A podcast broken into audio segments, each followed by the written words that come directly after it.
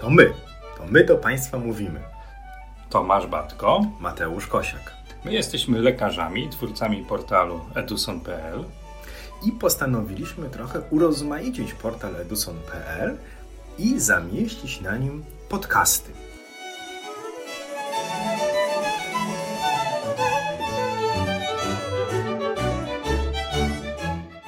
Aliasing. Słowo? No właśnie, jakże powszechnie używane przez ultrasonografistów, a cóż ono tak naprawdę znaczy? Jaki obraz ultrasonograficzny powinien nam się pojawić przed oczami, kiedy słyszymy słowo aliasing? To jest niby słowo, które wszyscy znamy. Ono się tak często powtarza przy ocenie doplerowskiej, przy ustawieniach aparatu do badań doplerowskich, że wydawałoby się, że wszyscy rozumiemy o co w tym wszystkim chodzi. O, tu jest zjawisko aliasingu, tu coś wychodzi nam poza naczynia, nie płynie w tą stronę, którą powinno. Miesza się nam wiele pojęć. Ale ja ci przeczytam definicję aliasingu. Dawaj. Nieodwracalne zniekształcenie sygnału w procesie próbkowania wynikające z niespełnienia założeń twierdzenia o próbkowaniu. Zniekształcenie to objawia się obecnością w wynikowym sygnale składowych obłędnych częstotliwościach, czyli aliazów. Ja nic No. z tego nie rozumiem, jak ci powiem. Nie? Nie, Słuchaj. nie, nic z tego nie rozumiem. To, to jest bardzo proste. Bo to jest tak. Nam się wydaje, że aparat mierzy prędkość przepływu, ale on nie mierzy prędkości. On oblicza prędkość. Aparat mierzy częstotliwość powracającej fali. Zna falę, którą wysłało i zna częstotliwość fali, którą powróciło. Aliasing to jest pewnego rodzaju problem, tak go sobie nazwijmy, który pojawia się na ekranie. Jest to problem związany z niemożnością aparatu do pokazania ekspresji prawidłowych wartości przepływu w naczyniu. Dlaczego? Czyli, czyli z tego wynika, że wracamy do tego, o czym mówiliśmy sobie na poprzednich naszych podcastach, jak ważne jest dobranie wartości próbkowania, częstotliwości próbkowania, czyli dobrej prędkości, którą chcemy zmierzyć, do prędkości, która rzeczywiście jest w naczyniu, bo inaczej spotkamy się z tym zjawiskiem, o którym mówimy. Lepiej powiedzieć dobrej częstotliwości, do zmiany częstotliwości, która zachodzi w naczyniu, bo ta prędkość to już jest takim trochę uproszczeniem, Oczywiście. uśrednieniem. Oczywiście, że tak.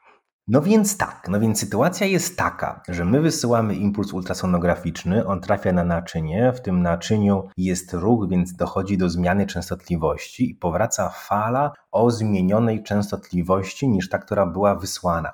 I w ten sposób aparat wie, że z tego obszaru, z którego ta fala powróciła, tam jest ruch. Tam jest przepływ. I teraz cała idea aliasingu polega na tym, że te częstotliwości, które powracają do głowicy, są zbyt wysokie w stosunku do tego, jakie te częstotliwości, w domyśle w skrócie prędkość, aparat jest w stanie wyświetlić. Aliasing zachodzi w opcji Dopplera kolorowego i Dopplera spektralnego. Uwaga, aliasing nie zachodzi w opcji Dopplera mocy. No i taki aparat nasz jest w stanie wyświetlić jakąś tam prędkość, ale jak wraca do niego częstotliwość wyższa, czyli prędkość, której on nie jest w stanie wyświetlić, no to on do tej maksymalnej, którą może wyświetlić, dokłada kolor, czy dokłada wychylenie w opcji Dopplera spektralnego ponad tą prędkość, którą jest w stanie wyświetlić. Stąd w naczyniu zamiast czerwonego widzimy mieszaninę kolorów i te inne kolory, które się pojawiają,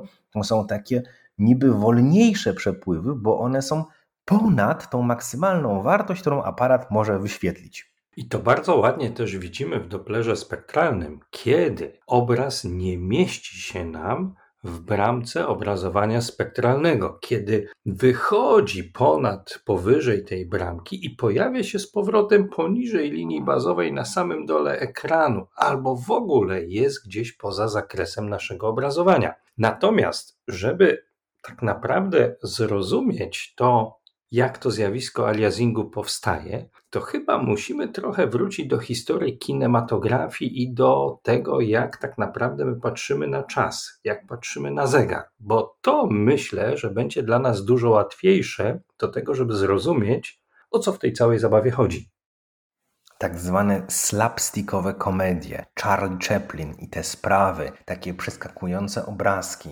żebyśmy my byli w stanie zaobserwować ruch, który jest płynny, który zachodzi, musimy patrzeć z odpowiednią częstotliwością. I ta zasada próbkowania, o której w tej definicji nam tak ładnie przeczytałeś, to zasada polega na tym, że my musimy być przygotowani na to, że na jakieś zjawisko, które zachodzi cyklicznie, patrzymy częściej niż połowa czasu trwania tego zjawiska.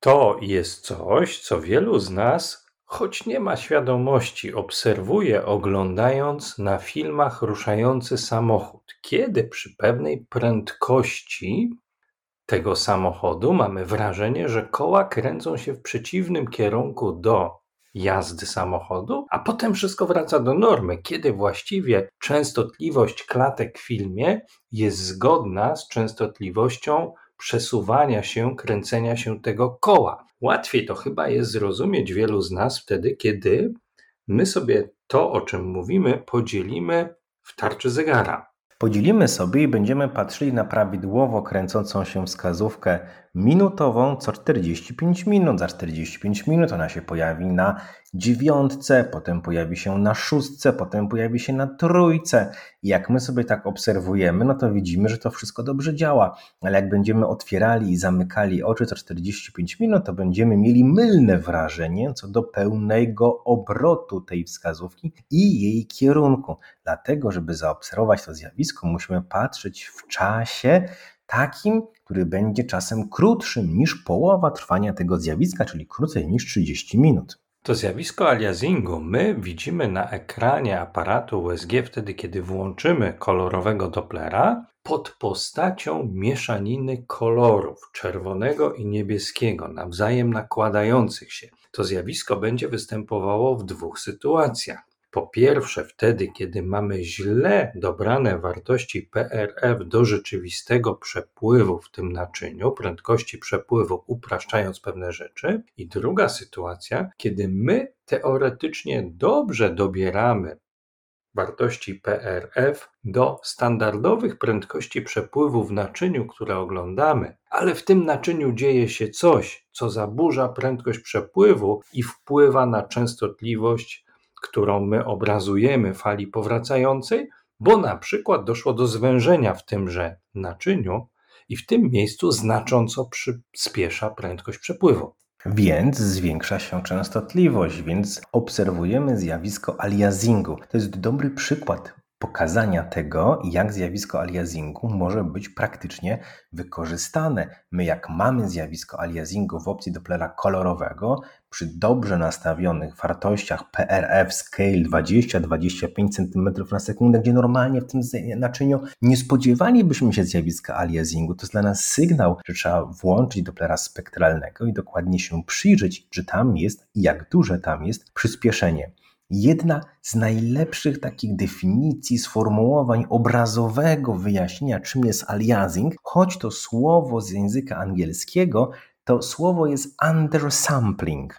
To jest jakby za małe próbkowanie. I to świetnie oddaje to, że te prędkości, które wracają do głowicy, są zbyt duże, żeby je prawidłowo wyświetlić. W zbyt dużych odstępach czasu otwieramy nasze ultrasonograficzne oko, żeby spojrzeć na ten przepływ. I to jest coś, co warto sobie przećwiczyć wtedy, kiedy uczymy się oceniać Dopplerem naczynia. Jak to zrobić? Włączcie sobie Państwo bramkę doplerowską, ustawcie nad naczyniem tętniczym najlepiej i zmieniajcie Państwo aktywnie wartości PRF od bardzo niskich do bardzo wysokich. Zwrócicie Państwo uwagę na to, że przy przekroczeniu w dół pewnej wartości PRF, nagle zamiast jednokierunkowego przepływu w zdrowym naczyniu, zaczynamy widzieć mieszaninę kolorów. To jest ta sytuacja, o której mówimy, kiedy mamy źle dobrane wartości PRF co będzie indukowało powstawanie zjawiska aliasingu. Podobnie w opcji Dopplera spektralnego, kiedy mamy bardzo duży pik prędkości do maksymalnych wyświetlanych i na dole tego piku pojawia się jeszcze mały piczek związany z tym, który jest ponad to, co jest wyświetlane. Wtedy należy spróbować troszkę zwiększyć skalę prędkości PRF po to, aby wyświetliły nam się wyższe wartości tych prędkości. Jak będziemy mieli zjawisko aliasingu w naczyniu przy dobrze ustawionych wartościach PRF, myślimy o przyspieszeniu, myślimy o zwężeniu.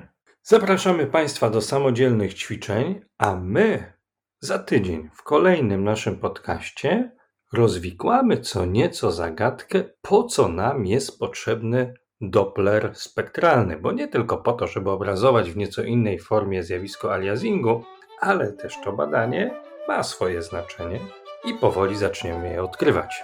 Do usłyszenia. Do usłyszenia.